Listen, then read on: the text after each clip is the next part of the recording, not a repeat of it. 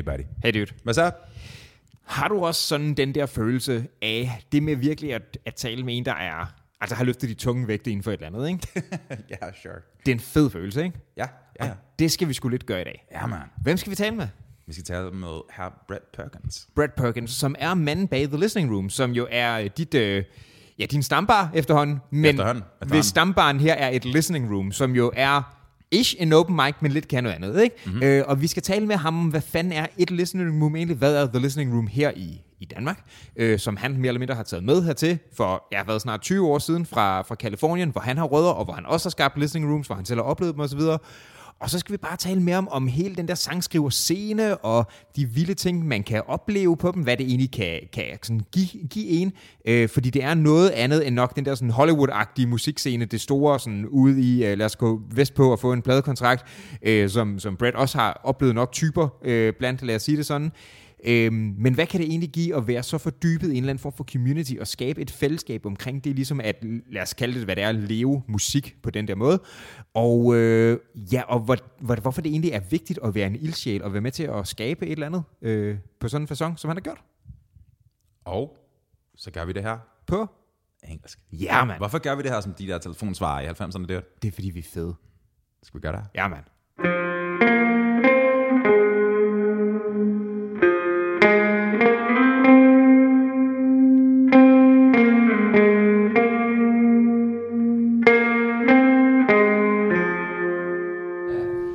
Um, okay, let's just uh, try talking.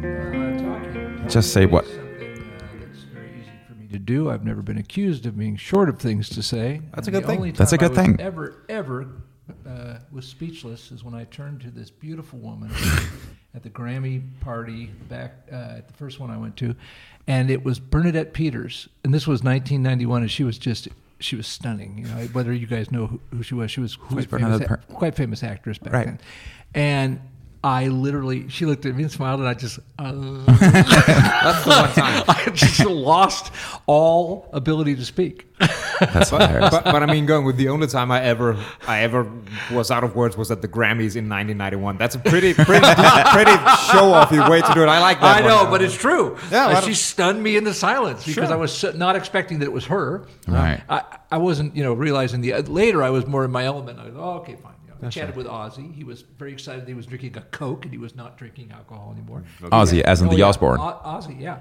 He Whoa. was coherent back then. You know, I mean, his 90s. You were talking about Ozzy Osbourne doing coke. When, when no, are we in time? drinking a Coke. drinking. Oh, that's way different. Coca-Cola, Co- cola, different. not Coke. He was ecstatic. Uh, I mean, I never didn't have any experience him, of him before, except on albums. But he he was really uh, vibrant and excited that he was clean. Clean. Yeah, sure. Hmm. And this is before I, did, I wasn't a fan of the Osbournes. I didn't watch it. I had a friend who edited it, so I, I was aware of it. You know, it was Right. not The, to the, the MTV yeah, reality watching, TV show. You Yeah. know, it, to me, it's that kind of voyeurism. Let's watch somebody fall apart and laugh at it. And I, We were you know, just talking I about, Just, uh, it's, it's yeah. we were literally talking about this 15 minutes ago. Really? Well, you know, you, you guys. I mean, it started in this course. It started in America with American Idol and all this other stuff. But Yeah. you know, to, Well, to a degree. Well, we talked about it about sort of that sort of watching people fall apart because Jerry Springer just passed away. yes, today. Yes, Yeah, so- and he was the beginning of the long decline into the underbelly of American culture. Sure, And, and that has sort of become not just American culture anymore, right? Yeah, That- It's, no. it's, it's big here in Danish television. Well, we have those basically the TV programs about people who are unable to be fiscally responsible. Right. That's Right. become a big yes, big thing as well. yes, Yes. I'm, I'm not into that, man. I don't. It, Yeah. it, it feels not worthy. Or we can watch a bunch of bikini-clad Yeah. women and and and stud guys, you know, work out relationship dysfunction 101 on an island. But that that plays to more that plays to more like you know sexuality and yeah, like yeah. At whatever. least it can right? be entertaining on a on a on a cheap like fast food level. yeah, yeah, totally, totally. But laughing at other people's pain that just No, seems so. and I, you know, and I, you could see he was degraded, it, and I just thought, no, this isn't funny. You know, this is tragic. However lowbrow this all might be, we. What? The, you know these sort of topic. Oh, topics, Jerry right? Springer? Yeah. Right. What what we need to address is that we currently have a guest who, uh, you know, had a talk about you know not being on coke with Ozzy Osbourne at the Grammys at Yeah. one one point, and you set this up. So won't you won't you introduce what's happening yeah, here? yeah. I mean, by the time by the time somebody hears this, we will have introduced it and all that jazz. We'll do the formally thing, whatever, right? But we're sitting uh, between us, Martin, and I'm across from him is Mr. Brett Perkins, um, correct me if I'm wrong, but the founder of the Copenhagen Listening Room, Yes, uh, what is that, 14, 16 years ago? 17 years. 17 years ago. Yeah, uh, the open stage. Actually, the listening room uh, shows, which I brought over in '97, that was the first. Actually, it was '98 when I put on my first listening room shows over here In Denmark. in Denmark. Yeah. Right. Yeah. And then continuously. And then continuously, I was back then. I mean, it was a different, you know, and we're, we're going back more than 20 years ago. So Right. it was new. There wasn't a songwriter scene Right, here. right. Uh, everywhere I went, they said there's no scene, you know. So I said, okay, cool. I got been doing this in California. There's a scene. So. Right. and there was cultural funding, and which I loved the initiatives of the unions and and uh, and they and Koda, and they said, okay, well. Let's do it. So I started bringing in the round shows to theaters, and I found listening rooms because I didn't want to go into clubs and try and fight Right. an existing environment. You know, that's I'd rather have a controlled environment. So you got some. so you got you got some funding for like the room or Uh, like, for the for the artists for the Right. room, yeah. Okay. I, I, in the early days, I had support from DMF, from uh, well DPA. Uh, D, Dansk Artistforbund was the first in. Sure. Koda and DJBFA. Everyone was Right. in. you know, Interesting. Yeah. So So that that was like a continuation of what you started back in Los Angeles. Yes, and that started the listening rooms. The first thing I actually called the listening room series was 1993 in a in a theater in LA, but the actual first listening room that I started hosting was in '91 as house concerts in South Pasadena. where I Ninety lived. one is like that's Black Album territory. that's like Nirvana's Nevermind.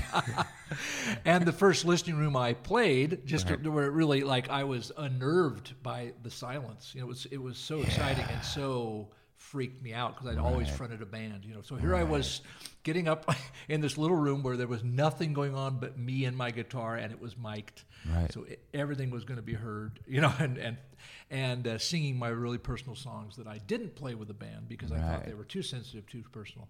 And the room was full, and it was maybe 35 people, but it was a full, small room. And uh, it was so powerful. Right. I mean, on, on all levels of power, like disturbing, Yeah.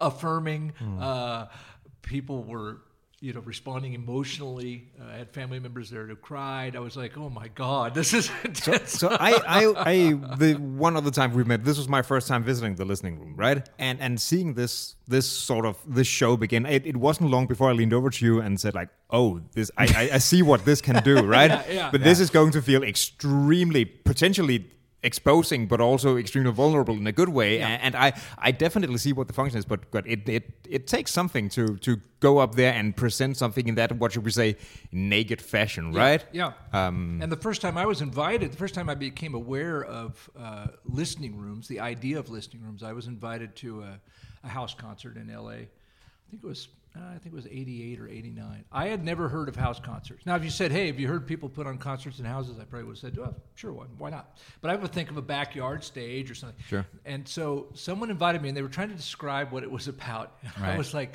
is this a cult? you know, because first of all, it was LA. Secondly, I was in the music industry. Right. And they couldn't really, they said, well, it's this, there's this thing that's this feeling, we have this group communal feeling. I'm going, is this Amway? Is this, you know, what, Is what this is this? Amway? You know, what is That's funny. this? Is this a religion? Right. Uh, and I went, and I went with trepidation, and it was an artist I'd never heard of before because that was a lot, you know, about what was happening on the house concert scene. And uh, I just remember it was such a powerful. It was. I, it was like what friends of mine who are church people. I don't have as many in my life, Right. but back then, you Right. know, uh, said they got that kind of spiritual charge Sure. or energy, energy or communal feeling. Yeah. which I think is is a universal thing that is not only beholden to religion's interpretation. so this might be a leading question and might might seem self evident, but why did you start it? Uh, I wanted to have more experiences like I had in 1989 when I played solo. And when I realized these songs had the most meaning for me, um, I mean, I loved playing in a band. I still, you know, I've, I've done that for so long, and and, and I, I think there's nothing wrong with being entertaining and or whatever, or rocking the house Sure, or whatever sure, it sure. is, you know. Uh, but but to stand up there alone and sing about your own truths or your own Right. philosophies is uh, courageous and. Um, uh, a little unnerving, and uh, It's a challenge. yeah, and and so if I'm going to do that, or if someone else is going to do that, especially someone new, like on an open stage, I would like to feel supported by the room. Right. I would like to be in an environment that says, yes, this is what we came to experience. Go ahead and be fragile in front of us, or go ahead and be naked in front of us. And so uh, now I think it's also, if I'm going to put on a 40 minute concert, it's beholding, it's a different conversation than the open stage. I also need to be offering them something of value, not just would you like to hear my journal mm. sung in Right. melodic you know, form. Sure. yeah. yeah that also that also speaks to a lot of like the discipline of like singer songwriters in an in like a listening room stage type environment right Yeah, I think to hold the room, it's different. Like, for instance, the other night, uh, the Copenhagen Listening Room had its first night at Litur- Literaturhaus. That was It was so amazing. cool. It was so like, oh my God, this is a big room. I, I mean, I love the room as a presenter, but I thought, are we going to lose something here? you Right. know? But the and it was like almost hundred people. You know, I thought, what? You know, what's going on? And so, uh, but I and I didn't stay the entire night because I had a very early morning the next day. So, uh, but from everything I saw and heard and spoke with people, and I stayed through the through the uh, until the feature act. Uh, the room held. You know, Right. it, it completely held. Now everyone did one song. right And that's interesting because I actually think that's better in a bigger room because the more people, the more chance of losing, you know, the more chance of the whisper ripple going through the room or whatever. So, and you have a bar that's active in the room. So, you know, as the night goes on, I think open stages are. Most open stages want to play more songs. I understand that. Right. And as a presenter, I've always said two songs was a safe number because Right. you know they got a chance to kind of if they do their up tempo in their ballad or or get their ner- over their nerves on the first song and be a little more settled, you know, hit find their home on the second song. Sure. But with uh, with 18, we had 18 performers, I think, the other night. Uh, i think it was more man i think it was more. 14 spots split into That's right, 28. Oh my God, yeah. So and it was running along already. So I think one song each was was a, a very good call. Yeah. Sure. And I thought it worked well, and it may Yeah. be a model for the future in that size of a room. It, it might have to be Yeah. because people are visiting so much now. Yeah, I yeah. was, was talking to uh, Stefan Gelser last night at uh, Blågårds. Uh, I went up and played one song, and I fucking flubbed it. Um, I had like eight eight seconds of going into the second verse of uh, Libertine, and I go like, "Oh, I forgot the chord." so I go, I go, I just go address it, uh, address it to the counter, and go like, "I forgot it. Hang on," Yeah, yeah. and then go back into it. Right. Fair enough. yeah, sure. Um, but it's like it's it's so. I mean, even talking about it now, I've talked to this guy a bunch about it, but Yeah. I can feel like my scapula is like retracting. Ah, like yeah, it's- yeah. It sits there. yeah. There is something though. If you if you can learn uh, to laugh at, at this in Sure. those moments, Sure. the room laughs with you, and their t- t- audience is totally forgiving. But this is also hopefully from from what I saw visiting this the sort of plays that will will teach you to do that in a reasonably comfortable manner, right? I mean, in some way, screwing up is never going to be comfortable, right? Right. But you're not going. I mean, you're not going to be pelted with rotten fruit in this one. right, this is going right, to be a little yeah. bit more comfortable landing, I suppose. Yes, yeah, absolutely, and and you know you do learn. It is has been said by those much wiser than me, and I, I agree. I learn more from when things don't go according to plan Right. than when they do, because if I go in there and I'm all rehearsed and polished, and I deliver it, and I think, okay, you know, what did I learn? Other than it's nice to be ready.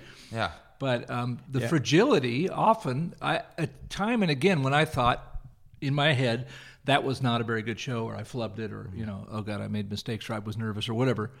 Often, audience uh, members who uh, either I don't know or people who know me well say, "Well, I don't know what was going on with you tonight, but that was like really personal and really." Right. So again, more naked, more exposed. You know, Sure. Yeah. Less polished. I think also it's the it's the same thing you're recognizing when people can see that somebody's being vulnerable. That in and of itself has some sort of power. Yeah, absolutely does. Yeah, and there's also, I mean, it can also be uncomfortable. Yeah. You know, uh, and and this is why back to the open stage, um, why maybe three songs uh, or more isn't always a great idea uh, as a presenter because if Sure. if someone is fragile to the point of what's the word disturbingly fragile i realize Right. this is subjective and Yeah, it, would, yeah. it would be dependent on people but you know someone who's who's maybe just not coher- coherent in their emotions they're Sure. going through something really intensely and it's really raw that can be very uncomfortable sure you know now if i'm told though for instance that someone getting up if they say uh, and i, ha- I have a this is a uh, there's a coworker i work with and he said um, on the first day he said i'm autistic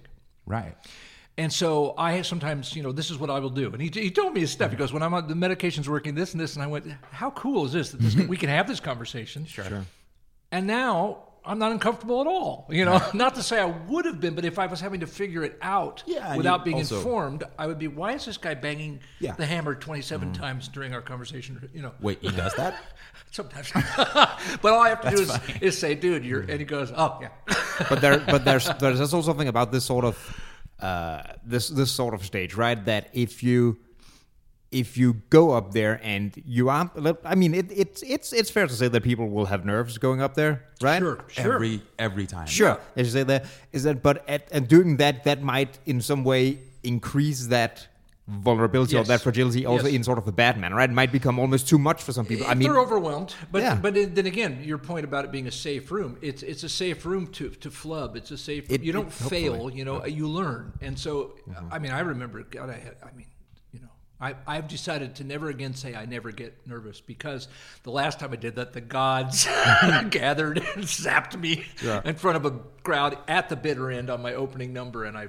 Right. I mean, I can remember the disaster that was. So what happened? I was I was thinking I was hitting my stride. I've been out Right, playing a lot of right. dates. I was feeling good. You know, I'm Right. confident, and and and uh, I had this. Uh, I had finally booked this Writers in the Round at the Bitter End. It's this happening club in the in the village, and you know, it was a very cool thing.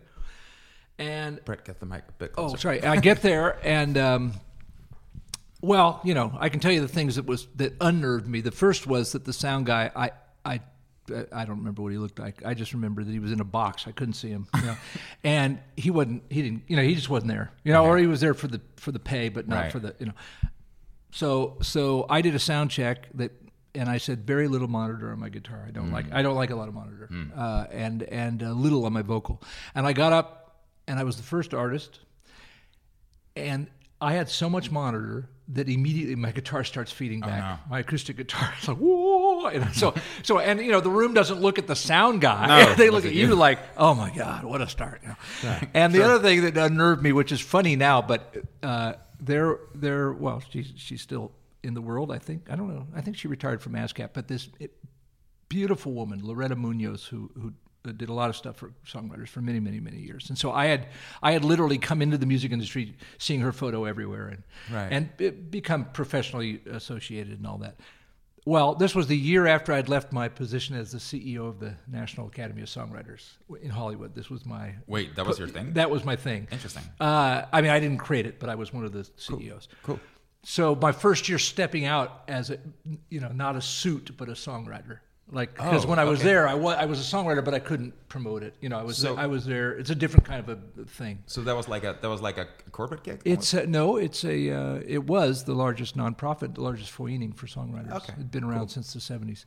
Um, anyhow, I'm about to play. I walk out. She sits. She's sitting right in the front row, right in front of me. oh, So I look down. There's this incredible, you know, Mm. person who's uh, clearly whose opinion mattered to me, and the first sound is ooh.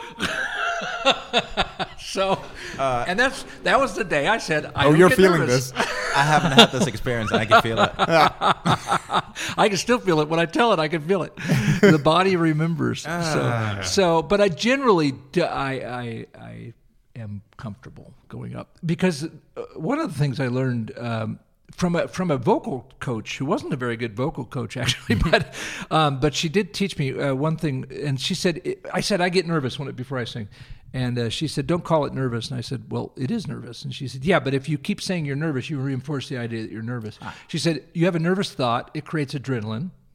What- Adrenaline is neutral; it just is there. So you can say I'm excited.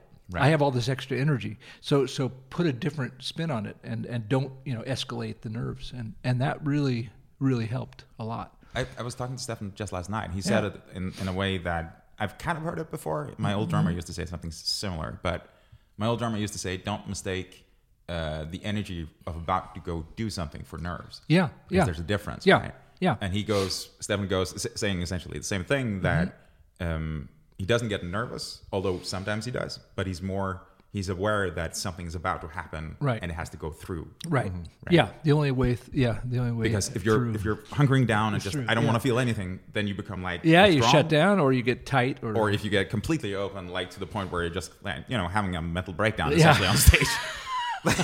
I've been there. I've definitely. but I mean, but I mean, nerves, as we talk about like that, is more of a, a it stuns you, it's a retardant, it it slows you down, it paralyzes you in some way, right? I mean, Can. Anxiety. Ca- Anxiety. If it becomes Yeah. somebody with full blown anxiety, or yeah. So, they- so before we get going too much of this, just for just for good measure, for the lay people out there, um, is there a difference between what you call a listening room and, and an open mic? Because mm, it for Yes. me it felt different, and maybe you could just say a few words about what it, exactly do we mean when we're talking about a listening room Okay, here. Good so so just to qualify the question and my answer, um, my definitions between an open stage and a listening room, because there are a lot of open mics, there are comedians open mics, there are all this.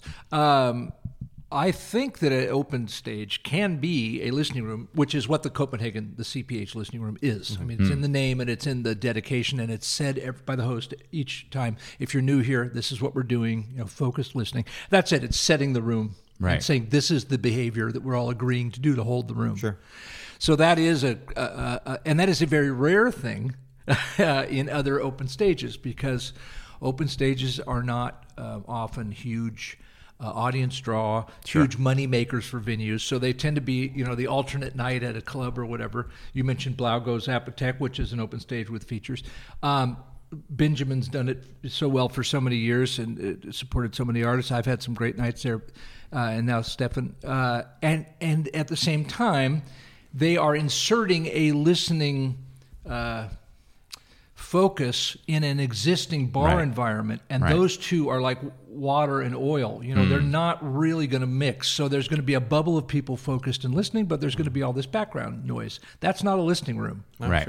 A listening room is I can hear the chair creak when the singer leans forward. you know, that's that's a listening room to me. Okay. But it's it's interesting, right? Because it's you, you say that uh, like an environment like a listening room experience inserted into a bar is like Yeah. Mm-hmm. water and oil. I, th- I I see what you're saying because there's like one is focused on the artist and another is just on whatever Just con- there. Yeah. conversation, right? Yeah, yeah. But there's this thing you can do that um, you can you can snap your fingers musically, right? You Yeah. can fucking yell at them or something, yeah. and try to get their attention that way. for a moment, Sure. or for one artist, it Sure. won't work for you. Well, yeah, I don't know if you, we haven't known each other that long, but you probably noticed. Yeah, when you were there at Babushka, I played acoustically. That's almost a standard thing that I do. Sure. Um, one, I'm more comfortable, I, and I can fill the room. I know I have a full sounding guitar and a Mm-hmm. full voice, so that's I don't feel like I'm losing something. Secondly, I don't have to depend on the sound system Yeah. and a new room, even though I trust Stefan and his you know, Sure. his crew. And thirdly, and now, now everyone's going to know the secret. Um, it works for me that one moment because whatever was happening before or after, I just brought the room down to right now. It's just us. Sure. I removed a barrier. Sure, sure. And so I can hold. I can take a room like Blågårds Right. on occasion, Right. But I can't get the whole room because some people are there like, "Fuck off!" There are some guys singing in the back. We're here to celebrate my my girlfriend's PhD or whatever. You know, that's it's a different environment. Hmm. It's wrong to expect them to. Yeah, yeah, Yeah. But, but there's something interesting I noticed about that. You say that you can sort of, you know how to sort of be in that room, right? Yeah. And preferring that sort of a, acoustic, more, what should we say, low key, more, Yeah. less digital sort of approach. Yeah. I did also notice the time, one time I was there, you basically went up and you stood right in front of the stage, right? And that Mm-hmm. Yeah. Mm-hmm. also, it, it felt it felt intimate because it actually was. Yeah. That's what you call a big dick move. In, Yeah, uh, yeah. And I um, In the industry. on the on the rare uh, times when I play uh, ukulele because I'm going to have a couple Sure. songs. Uh, I have uh, twice, once at a festival in Belfast um, because it was a late night showcase, and I was like, "Oh my god, everybody's drunk, they're tired, they've been listening to music all day. There's no way this is either going to be a room that I'm frustrated with, or I need to. How do I make this Right. enjoyable? you Right. know? So I dr- forget my whole set. You know, I just grabbed my ukulele and started playing this one song that's called "Hello Love," which is a real up tempo and everybody can sing along. And I started strolling around the room and saying hello. And every time I sang "Hello Love," I leaned on a different woman's shoulder, and sometimes on a guy's, and I like gave him the look, you know. And you know, I mean, I was just playing it. It was like vaudeville, Right. But I had the whole room for that song. Sure. But Right. then. But then when I went back to my guitar, they were like, "Ah, Sure. you're drinking again." this is also something that's very interesting about this whole thing with only that one or two songs, right? Because you you are going to get so many different characters and inputs and Yeah. you know genres and everything, Yeah. right? I mean, Yeah. if you go to a full concert with your ex artist that you like, Yeah. you're going to love that. But it's going to be you know now this is an hour of blues or this is whatever it is, Yeah, right? yeah. Sure. This is something else, and this Yeah. is interesting also to sort of. Like get that you, you talk about that sort of uh, almost spiritual feeling, Mm-hmm. right? That that thing that feels moment, momentary Yeah. and just feels like Yeah. something that can slip through your fingers. Yes. this is sort of and it's part of the charm. unfamiliar. You don't know what you're going to get. You know, when I go see a favorite band, I'm, it's nostalgia, it's Yeah. sing along, it's all that. You know, but this is you never know. And at the open stage, I mean, I've been hosting them for more than 40 years, and uh, and as much as I, you know, I've allowed myself to get a bit burned out at times, uh, it. It almost always something happens in an evening, and I think, Right. "Whoa, Yeah. there's the moment. There's the golden moment for me." Right. I've learned not to look for them because I want. To, I just want to be in the moment. But Sure.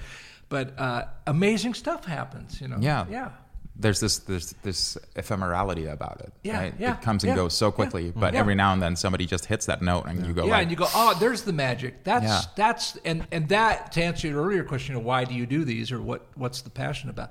It's those moments, you know, where I I get transported as a listener, uh, because you know, I mean, I've been doing the songwriting thing for a long time, so so it's not especially entertaining necessarily to listen to a lot of new people. yeah, sure, with new kind of still taking their steps. I mean, I'm there fully in my heart, and if it's my commitment for the night, then I'm there. But I don't go to open stages to hang out and listen. You know? Uh, because I've had, and I do that as my work. I consult with songwriters and I lead Sure. retreats, and I. Uh, but when when someone gets up there and you're just like, whoa, what was that? Like Yeah. first time I heard Karen at the, uh, the who plays the violin, plucks Yeah. the violin and Yeah, sings. I was like, whoa. You know? yeah, it's a very special Wow, thing. there's just something here, you know, and I just it stills the room even more. yeah, sure. Yeah, It's also a really powerful contrast because she plays she plays a git- she plays a violin as though it were a ukulele. yeah, essentially, and, right? yeah, plucking it like a ukulele, but yeah, it's quite special. So it yeah. gets everything gets so low key, Yeah. and she sings kind of softly too, Yes, right? yeah, So it gets yeah. like lower energy, but everyone pays more attention Yeah. because of it. yeah, there's a magic to it. Yeah. Yeah. So Me. tell me about the retreats. Uh, the retreats. Uh, this is the 21st year. I had 20th anniversary last year. Dude, Um, I've never done anything for 20 years straight. That's not true. I play guitar. You've been breathing. uh, hopefully, I don't know your medical history. um, Close he's, to death. He's alive. um, I started. Well, the it's related to Denmark because the first time, the second time I came to Denmark, first time was for a girl, which Right. Is, you know, and the Classic. second. I hear Yeah, that story classic. a lot. Yeah. Well, it's either that or the weather. You know, when you're from California. It's not the weather. so, uh, and I was invited uh, in '97, the summer of '97, to a retreat, songwriting retreat. Cool. Uh, I don't even know if they called it a retreat, but it was called Song Island on Samso, Brundby Hotel. Paul Krebs, Tamara Rosanis, Evan Peterson, uh, Esther Brohus, the, that gang of, of musicians. Paul was the main guy behind it, along with Frank Sure. Marstock, who was a former Sony Records A&R guy. So, um, and it was co-writing all week. Huh. And uh, first of all, I've, I've never been invited to something like that where I was there as a writer, you know, which Right. was kind of great. And that they said, "Oh yeah, we have funding, so you know you don't have to pay." I'm like, "What? You're feeding me? What do I have to do?" You know, oh, Sure. just play.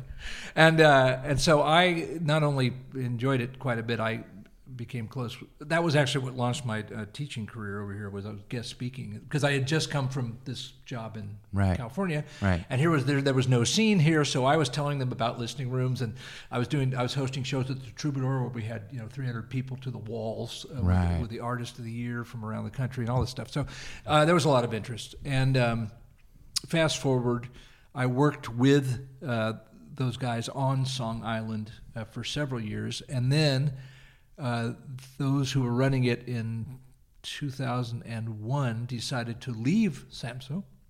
They were going to take it somewhere else. I don't know what all their plans were. Th- those plans didn't come to fruition. Right. And I got a, I actually got a call from Martin Hoiby, a lovely uh, Danish songwriter, and he said, "You ought to, you ought to start running the retreats. You already, you know, you already do it. You have your own way of doing it." And uh, and I called the hotel and uh, talked to uh, Guff, the owner, and she said, "We would love that." And so suddenly the listening room retreats were born, you know, and that was 2002. And since then, um, over a hundred retreats in Over nine 100? countries. Wow. And uh, over 2,000 writers from more than 30 countries. Yeah. Jesus, dude. So this is uh, this is basically, and of course I'm I'm being reductive here, but this is basically a bunch of songwriters just hunkering down for the weekend and yes, just for a week. yeah for a week. Yeah, Wow. generally for Damn. a week. Yeah, and and living together, uh, you know, be, having their meals and everything usually handled depending on the setting. They've changed, but uh, in Ireland, it's on a small island, one of the Aran Islands, and and uh, meeting every morning, getting a prompt, going off, being paired with someone, uh, meeting in the evening, hearing what came up, workshopping it. Next day, new prompt, new thing. And at the end of the week, we do concerts to show Dude, the that's songs. so intense. Yeah, it's So just- it's like a full week. Yeah, you get end of the week, depending on how many people. If you have, let's say you have a maximum of twenty, but let's say we have you know sixteen people. That's eight pairs a day. That's eight songs a day. Five days, forty songs at the end of the Right. week. Yeah. Right. Now they're not all keepers. But this is the thing. Part of the whole philosophy is not about we're not here to write hits. It's not pop camp. It's not hit camps. Those are market driven. This is the opposite. This is let's get uh, renewed inspiration and joy and different ways into the creative process. That's so cool, dude. Yeah. And it's all over the world, right? Yeah, now I'm uh, more often in California because I'm slowly trying to get some of the better weather months back home. and as my daughter gets older, she travels with me. So the next one is in July in California. Cool. And uh, there's Ireland, Denmark, uh, California. Greenland has not been on since COVID, but I did several in Greenland. Wow. That was wonderful. Faroe Islands. Um, My people. Sweden for many years, Crete, uh, Spain, yeah, lots of. Um, oh, and Tuscany in Florence, yeah. Right? Sound pretty cool. Yeah. it also sounds like like something that if you if you go to this and as it says this is intense right Yeah. and and i'm i'm going to to get that your sort of your batteries are i mean it, it gives you a lot of hopefully a lot of joy a lot of sort of inspiration Yes. but you're also going to be drained by the end You're going to be exhausted at the end. Yeah. Yeah. So I, I, I, in fact, it's a good point. After a few years and watching people, it's a peak experience. You know, I, I can't speak for anyone individually, but I watch people have this ecstatic energy going like, oh, it goes to eleven, you know, all week, and then they get home and they just fall apart. You oh know, because- yeah because you've been riding a high doing Yeah. this in like a in a, an environment Yeah. set for it in a way that you just can't do in your everyday Right, exactly. So I actually developed a uh, exit talk for people. You know, basically one of those. If you're thinking of quitting your job, you're thinking of leaving Right, someone, don't or it. asking them to marry you, or you know any of these major life changes. If you haven't been considering it for a really long time, Don't do it now. just give it a week. That's funny. That's funny. let, it, let the wave crest. What um what makes a good song in your opinion, or from your point of view? Ah, yeah. Well, I don't use good uh, or bad. Well- Not to correct your language, just for me, I've gotten rid of the good and bad because I used to think I knew. Hmm. Or uh, who a good writer or, or wasn't a good writer, or who would become one and who wouldn't. And I, Right. life has taught me hu- humility in many ways, including that. Maybe interesting then. What makes an interesting song? Uh, well, I, I could use the word. Well, Of course, it's subjective, but I say effective song. That's Sure. that's the best word I've come up with so far. When Sure. I do my workshops, uh, the three C's of effective songwriting, and I always start with a qualifier that mu- songwriting and music and arts are too big to qualify. You know, I mean, Sure. ultimately. So, so I've just made observations about what tends to be true in most songs that get my attention. But still, I'm not I'm not able to say, and that's why I like the No, long and winding no. road by the you know. Paul But it's your McCartney. point of view. Yeah. So, um, and those three C's basically are are contrast. Mm-hmm. Which you know, I mean, most popular music has contrast. Sure. Um, and uh, Can I ask, since Yeah. being being not an expert, Yeah. does contrast mean something special in musical terms? Um, it would be, on the most basic uh, sense for the for the non songwriters, uh, and this is there are no rules as far as I'm concerned. But generally, a chorus tends to go up mm-hmm. melodically away mm-hmm. from the verse. I think I call it the Tivoli ride. I call it the roller coaster. okay, sure. So songs, popular songs, move like a roller coaster, Sure, and they sure. have these dips and turns and things, Yeah. and they're pretty familiar. You know, there's just Right. certain patterns that we've. sure. Whereas if you go back more than hundred years, so we've had about hundred years of popular song, Irving Sure. Berlin, Sure. 1920s. Sure. Now we're in the 2020s. Sure. Before that, before sheet music and that, you had folk traditional songs, which were repetitive, simple melodies, Mm-hmm. Right. Because they were oral histories. They carried a lot of detail, so it had to be simple because you had to remember all the all the all the lyric. Um, now it's the opposite. It's like. Yeah, Yeah, lyric is lighter. Maybe it depends. Sure. You know. um, so, so contrast. That's what I mean. And um, clarity. And this one again, completely debatable. Uh, if it's a story song or if there's a message, is it clear to anyone but the Sure. writer? You know, because the writer, here's the challenge as a writer. I know what I'm saying, Mm-hmm. especially if I'm telling a quote true story. But I'm seeing a movie in my head or a memory. But are you seeing it? And better, even more, are you feeling it? Right. Because are you really interested in my memories? Probably not. Right. right. So, but but then you know you you hear someone like Bjork when she first came along, or you know it's almost a legend now. Nirvana smells like Sure. Teen Spirit. What are they saying? But it didn't matter because the vibe for me Right. because I it was just so cool. Or Right. when I listen to artists in a foreign language, Sure. I still can be really moved. Sure. So, so you know, it's just what it's a general C, and uh, and the third one, which is a big one for me, um, is uh, cohesiveness, which is a big word. Um, I learned it in physics, I think, but um, basically, everything is there that needs to be there, but all the fat's been cut away. Right. And and it doesn't mean that short songs are better and or any of that, but but it is true. Uh, there, there are different ways of saying it throughout history. Uh, um, leave them wanting more. Right.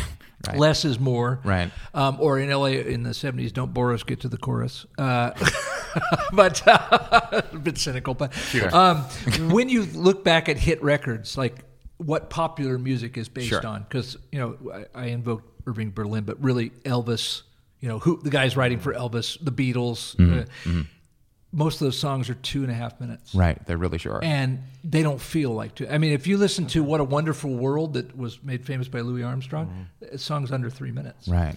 And it's a complete universe. But, Sure. but but there's also something about when you say this cohesiveness, and Yeah. it's it has to do in relation to what you're trying to put out there, right? Because I mean, there are also, I mean, I, I get the whole idea of you know trimming away that what's not really used for something. Yeah. It's it's it's not exactly the same, but I'm so I'm a teacher, and I try to teach my students when you write essays, don't write Yes. anything that's not relevant, Right, basically, right? That exactly. doesn't Sure. add, Yeah, add anything same. to this. Yeah. But I mean, what might be be be relevant? I mean, let's go uh, Bohemian Rhapsody, right? Yes. a lot happens. Wonderful exception to Right, any, but- but- anyone who thought there was a rule. but, but but what I mean still it works because it it all of those parts are necessary for what they're doing. Yes. I mean having something so over top in many other situations would Sure. be terrible. Yeah, but it's but it worked. Yeah, and there will always be those, which is why I don't believe there are any rules. Um, and often what I'm what I'm teaching, uh, and really I don't even like the word teach. I like the word educate because of uh, the Latin root of educar to draw out. Because with a writer, I don't want to tell don't do this. So if it feels really important to you to play that G chord. 12 bars before you sing your first line right, Right. now because that's where you are emotionally with the song then do that Right. but know that most audiences are not having the same emotional charge of 12 bars of a G chord. You know, they can't hear the solo that you have in your head from your right, band. They don't, you know, they don't know that you're working up to whatever you're going to say. So, so, so less is more. Sure. You know, if you if it's not a hook, try cutting it in half. Try, sure. I mean, actually, try cutting it to four bars. You know, and and as you go back and look at those as this, this is this was my learning curve. I, like for instance, I I didn't realize I had writing habits. I mean, we all have habits, right? Sure. But I didn't realize it because it was all so new, and I, you know, every time I was like, "Oh my God, it's the best song I've ever written," you know, infatuation. and so I was just con- always repeating whatever intro I had or a hook or whatever. I would repeat it immediately after every chorus. It was just, you know. And hmm. when I finally someone called me on it, I said, "Oh, but that's how I learned because the Beatles." And they said, "No, I don't think so." So I went back and looked. It wasn't Oh, true. They didn't do that. Right. Because George Martin was there. Right. Telling them he was a classical arranger. He knew about cohesiveness and about selective usage. Of, Producer for the Beatles. yeah, Thank yeah, yeah, and uh, yeah, and and I heard him speak once, and uh, I got a chance to meet him. Uh, wonderful, gracious. Really? man. Yeah, he was. He spoke in Los Angeles in the late '80s, and uh, he said, "I suppose now looking back, I was a bit hard on the boys. you know, they would come out of the, they would come out all excited with their latest song, and I'd say, "Ah, it's not quite good enough." Dude, imagine the balls you would have to have to correct the Beatles. Yeah, but the thing is, he wasn't. I mean, I think he was. He said, uh, paraphrasing, but that he was. He was very much taken with them Sure. and, the, and their Sure. artistry. But but he wasn't bowled over like a. You know, I mean, the guy Yeah, was yeah. seasoned. Right. He was working with the greatest music uh, of classical music of, of our time. You know? And, and, I, and I mean, if if he was part of sparring with them, right? I'm going to say he did reasonably well. I mean, they Yeah, yeah. they Yeah, came yeah, out yeah. on top of, as Yeah, sort of yeah, in the yeah. overarching picture. Yeah. Yeah. He also, though, said um, it was interesting to hear him say it. That uh, he said, you know, George was always underrated because Paul and John were so. While my guitar gently weeps. He said, well, he said something is my favorite Beatles song. He says, I think it's the best song that came out of the Beatles. Sure. I thought, yeah, well, Frank Sinatra covered it. That's a pretty good. Sure. Did he? Yeah. I don't know that. Yeah, but he kills it on the recording. You know, Oh. he does the Sinatra thing. You know, you're asking me, will my love grow? I don't know, Jack. Wow. I don't know. I'm like, Jack, Interesting. you had to throw Jack in there? Come on, you rat pack Jack. Like, he That's fra- funny. He frankified it. Ta- talking about um, now you mentioned seeing him like at a, talking in Los Angeles, right? Yeah. So you've you've been you're from Los Angeles, Yes. originally, right? Yes, yeah, well, yeah. I don't know if anybody's from Los Angeles, but I'm from a suburb of Los Angeles. Yeah, sure. Yeah. But but I, but I mean, so you've been part of that scene over here, and now you're you're part of of this uh, considerably smaller, more intimate scene Yes. over here, right? Yes. That must feel like certain a certain a certain contrast. Let's let's put it Absolutely, like a welcomed contrast. When Okay. I when I moved uh, here, and I won't say that it was all planned out, and you know, I, it's more of a straight line looking back. You know, uh, but I did have intent, and and the time I spent, the, I started as with bands and stuff. I mean, I was playing my first gig when I was 14, and you know, doing original music, and then trying to get a record deal. I mean, all that kind of stuff up through my teens, and then and then in my mid 20s, you know, the first band almost we think almost made it and then it didn't and then the bass player quit you know the whole thing. So um, by the time i'd been in the music business long enough i realized i didn't want to have almost anything to do with the music business uh, because i it, i cared about music not business. Right. Okay. and and it started it my focus shifted because I went to a show this is the pivotal moment. I went to a show in 1991 in the in the village at the bitter end in uh, New York and it was called Fast Folk and it was this organization doesn't exist any longer but back then they would uh, discover a songwriter and they would invite them in and they would record uh, on vinyl and they would put out a collection of songs within like a week or two weeks Interesting. So- and So just a a single of- cut. yeah, a certain, a certain amount of you know, Right. 300 copies or whatever. Right. And uh, and I was invited by the editor, uh, Richard Meyer, who's since passed on. And I went there, and I had heard of none of these people. You know, so here I was coming from L.A., where I was. I just produced Joni. Joni Mitchell's uh, Lifetime Achievement Award. You know, I'd met Dylan, I'd met Leonard Cohen. I mean, I was cool people. You know, lovely to meet. But that wasn't my world. I mean, they were, you know, they're they're on the top of the mountain. They weren't going to, you know. So, uh, and I, and I, and also the focus was so much in L.A. about stardom and fame. You know, I mean, Right. not everywhere, but at least what I was surrounded with. My board of directors were a bunch of hit writers. Hmm.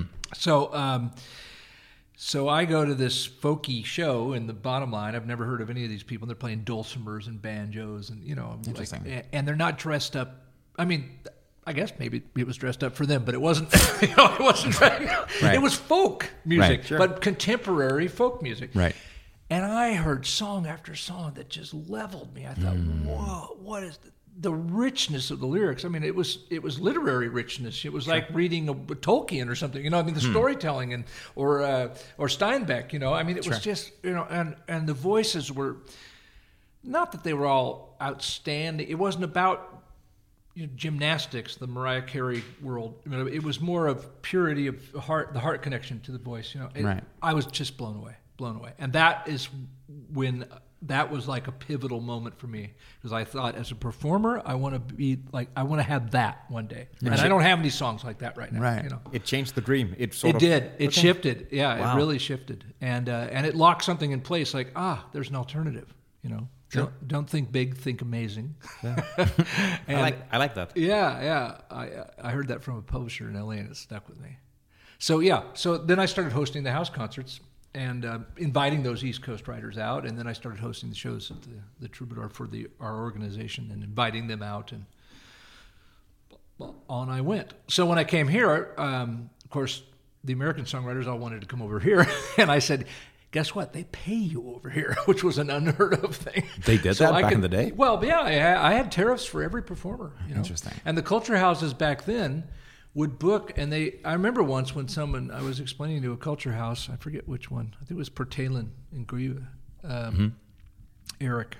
Uh, there, he. Um, I was saying, you know, I'm not sure about ticket sales, you know, because I was used to talking like that with clubs, and he said, "That's not your. That's not your responsibility. You know, uh, we're a culture house. We are providing this culture. We will communicate to our audience." And I was like, "Oh my God, did I land in the right place?" You know. now it's changed. Of course, it's all Right. that's all changed. I mean, that's what markets do, and that's what Yeah. yeah. So I I, I, I couldn't do what I'm you know now. But back then, I could bring over uh, Tom Kimmel from Nashville or Craig Carothers or you know people who had who had been not only recorded by a lot of really uh, established artists, but because they, they just had craft, you know, they had depth and resonance, and and uh, they might have a couple famous songs, but that wasn't the point. Right. And uh, and then I would put them up there with a Mads Langer, who for his first time ever a solo acoustic, or Tina Dico, her first times. You know, I, I presented her on her first uh, concerts here. You know, singer songwriter concerts. Interesting. We did a P three special, Right. uh, live from the listening room. A very young. Well, this was 90, 91, 92. I had Right. Pernille Rosendahl. I had Tina. Dico. You know, and so you know, and then and then we I'd slip in these these seasoned American men and women and uh, and watch watch them influence each other. Yeah. because because the, I'm not saying that the Danes were less. You know, No, they no. had their own No, no. Scandinavian and also the sweetness sometimes with the language, the way uh, people who who write lyrics in a second language Sure. will say things in a in a somewhat odd but Sure. really poetic way. Sure. Yeah. Yeah. Yeah. So yeah.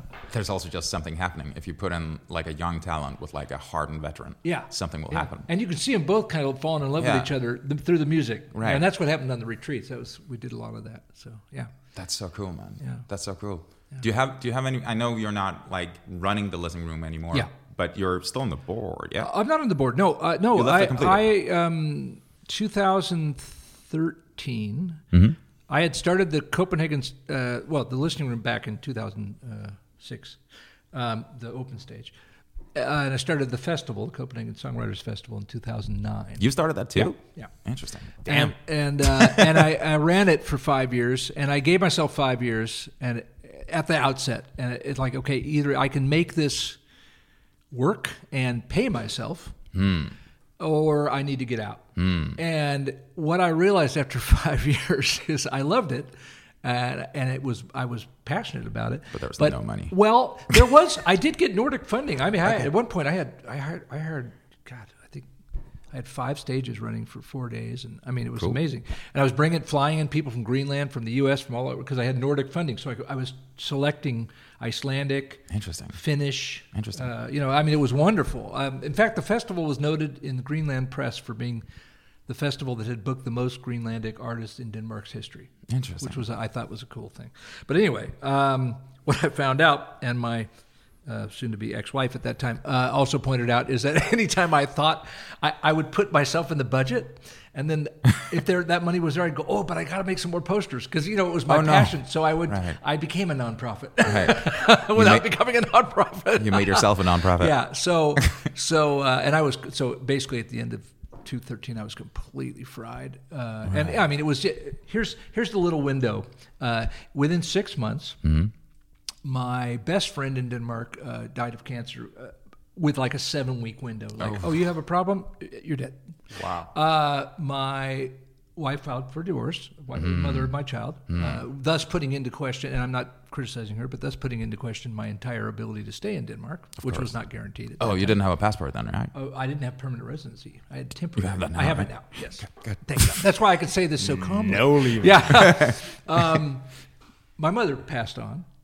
Sorry to hear that. Yeah, and I mean, you know, these were life things. I mean, she'd lived a long life, but, and I was like, uh, and the festival, I was supposed to be like making the festival happen for the sixth year, and I went, I can't, I can't, I can't, you know, I just can't. I have nothing. Right. spent. Right. so I called many of the people who are, some of them who are part of the list, listening room now. I had Benjamin Agebeck and uh, Jakob Svensson and uh, and others, and said, uh, I can't do this. And Anetta, uh, and I said, Kid, I, I want to turn it into a foining, into a nonprofit, because I want to make sure it keeps going. I, my, always my intention was a, a, a, a public event like that shouldn't end if the presenter ends. You know, Sure, sure, sure, so sure. so um, and they said yes, and at the same time I said let's do it with the open stage too, because I can't. You know, and Martin Tomlinson took over as the host. he kids me. I said, "Could you host like a couple of weeks just to cover me?" And he did it for seven years. But how, how, how many is a couple, right? I mean, I know it's yeah. Seven years might it's a stretch. so, so, so it, it, I mean, just like talking, for, we were talking to you for five minutes, it goes Yeah. without saying that you couldn't really function without doing something music related, right? Yeah, that, yeah, that's yeah. not going to be part of it. But, Yeah. but so, do you? I mean, you say you're not part of the board anymore. What, what sort of do you do in it now? Are you, are you just a, an, an I'm a member, a member of the Fooning. Um, okay, sure. truthfully, I have not been to that. I haven't been that involved for a while, um, and I'm now wanting to be involved again. You know, it's just different shifts of energy. I don't know. I, I, I suppose be, I could cr- I could do some self analyzing, and but I don't really need to know. but I you know I, part of it is okay. Sundays. Um, Sure. I I used to spend more time with my daughter on the weekends. You know, now she's 13. She's got her own social group. We still have, you know, love to hang out, but I'm not really required. So I've kind of got, I just Sure. save Sundays. Sure. You know, and I give myself the option of not going. You know, there's no commitment Right. made in advance. Right. And uh, I really like the people who are doing it. I've always had. That's that's the core. You know, it's just Sure. a sweet spirit there, and you're welcomed, and you get your week's hugs. You know, you get, your, you know, we're supposed to have eight hugs a day. I get them all on the Sunday. You know. Crystal was walking around, one of the guys from down there. She was counting them as she was going, like 32, Count your hugs. 33, Yeah, yeah. 34. Yeah, and I, I just really enjoy it. And I think I just needed to have some time away. And also, I have stayed out of, you know, the board or anything Right, like that. right. Uh, because I don't want to be the guy who's saying, well, you know, in my day, we I did get it like this. I get it. uh, I don't, I'm 60. I don't want to be 60. I don't mind being 60. I'm happy to be here, but I don't want to be the old guy. Yeah, you know? sure, I get that. So, um, so I'm, you know, I'm going to the general meeting. I've suggested a couple things. Sure. That's all. But I, I, you know, also, I mean, obviously you, uh, obviously you think this stuff is a good idea, right? Yes, so, absolutely. So you also want this to to carry on even mm-hmm. beyond the point where you can no mm-hmm. longer be invested in it. Mm-hmm. So it's probably a good idea to to get a little bit of, of you know fresh input from time to time. Absolutely. There's, there should be a certain natural continuation, a sort of a, a rolling out of, of what you say the new guard when it comes to this. Yeah, yeah, Sure. that's what I love. And and when the when the listening roomies created their fooning and called it the listening listening roomies, roomies, which I is so. It's sweet. called that. And they had like right away sixty people, and I thought, Right. I'm a community. I'm often called a community builder, but really, yeah. I create. I'm more of an event creator that draws community. There's the Sure. difference. I'm. I mean, I'm a very private person, so I'm. I've even been called aloof, which is interesting. I don't think of myself as aloof, but but my daughter goes, "Oh yeah, you got the whole thing with the chin in the air and the whole thing." I'm like, "What really do I?" You know, I don't know, but uh, uh, I've just watched how well they create community. You know, and and I I I always stood a little bit apart. 'cause I thought that was how leadership was done. You know, I mean, this is Hmm. something I'm still thinking about. You know, that was how I had learned it, and that's you know. Um, and it's different. Even at the retreats, I stay out of the, you know, I stay out, out of the room. Like when they're hanging out later and having the song circles, I'll rarely come down in because I don't want, on whatever level I'm the authority figure, Sure. I don't want that energy Sure. in the room. I just want them to have their hang. You know, Right. so yeah. So who knows? I was talking to um, I was talking to Stefan last night, and he he said a thing that I felt too, and I bet you feel the same way. But the listening room right now is going through one of their peaks mm-hmm. in terms of mm-hmm. attendance, at least. Mm-hmm. Also with new moving The to new the new room. location and Yeah. everything, right? Yeah, very It's- exciting. It's yeah. kind of crazy because there's Yeah. there's this is uh, the old Orchard Church, right? yeah exactly Yeah, it's the old sex club. You can yeah. go downstairs. One of the boiler bathroom has a has a has a bathtub. Yeah, pink bathtub. I was told. Goodney was in it. She took like a picture for her uh, Of course Instagram. she was. Okay. um, but it's like you know it's it's it's getting to the point where Dave uh, Dave Sorensen, God Yeah. bless him, has Yeah. to uh, get up on the chair and go like, Yeah. all right, he has to do like a Yeah. Julius Caesar thing. yeah, yeah. Well, I have a suggestion for them. uh, Yeah, yeah, about I know. that. Yeah, pulling names. They always they always get through it, right? Well, and here's here's uh, one of the things I will probably say at the GM. Uh, Sure. And that one of the dangers of a tight, not danger, wrong word. One of the challenges, one of the things to stay aware of Mm-hmm. Sure. in a tight knit community, which Sure. they are. And I, this is okay. So now I'm thinking about why haven't I been around? Some of the times, a, lo- a long time back, but when I would step in, I'd go. I would when it was smaller, Right. and maybe in the winter when there weren't that many people, there was this core group, which are still the roomies, and so it would be a lot of the same people, Right. So less of a surprise, and I always felt welcomed, but I there was something about this is. If I was new here, I know I'd feel like, "Hey, welcome." But if I was new and in the audience, for example, mm. would I feel like I was watching I was mm. outside the club. Right. And I've noticed that with hosting, like the, you know, and it's all heartfelt. It's like, oh, this is why we love this guy, and you know, Sure. it brings me to tears. And I think, okay, if you don't say that about the next seventeen artists. As a presenter, that's you know, there's a flub there. but they're not saying that they're professional presenters. They're saying we're here as volunteers. So it's you know, so I'm I walk a tightrope with it. What I Sure. you know, I don't want to I don't want to put my finger in the pie and mess it up. no, no, no. But I think they do make a reasonably big uh, effort to like make everyone feel Absolutely. right? No, there is. There's no. There's no sense of being excluded. No, no, no, no. I, I get completely what you're saying. But with this growth, will be a challenge. For example, you know, most songwriters again, they're going to want to play two songs. Yeah. And yet, if you keep having hundred people show up and half of it's audience. Yeah. One is a better idea, Yeah. you know, because if you've got 20 artists, you know, you, you, and you can't let it go as late and long as it Right. did the first time. You can say, oh, that was the first time. Right. I remember I, I went up sta- on stage to play Libertine at Literaturhaus and looked out on the crowd. And when I sat down, there was 30 people in the room. When I got up, there was 80. Oh. Yeah. I was like, hey, wait a minute. Yeah, yeah, yeah, So, it, you know, Yeah. it's blooming, right? yeah, yeah, yeah. yeah. And I mean, compared to the one I saw, right? 80 people is a lot. It There is a was lot. maybe, in It is a there's maybe 40 people Yeah, but you in can't there. fit more than 40. No, no, Yeah, you had yeah. you, they had to block the toilets last time. Yeah. yep. Guys, we're we're about uh, at our end uh, in terms of time, whatnot. Please, um, is there anything else you want to say? Please plug the uh, retreats see. too, Well, um, oh, sure. If people are interested in the retreats. and the music, and the Instaham, uh, and all that. my uh, my basic uh, websites are listeningroomretreats.com. Sure. Listeningroomretreats.com and brettperkins.com. We're gonna link this in the text. Yeah, Um, absolutely. Yeah, and I I have all my albums. Uh, I've been on in various projects and things. You know, recording for into my fifth decade. So um, it's all free because rather than letting Spotify send me eight cents, I just you know Right. give it away. we, we know from this that, you know, you need to check my Spotify account one time. There was like there was like enough for a pizza or something. oh, that's that's better than you know. yeah.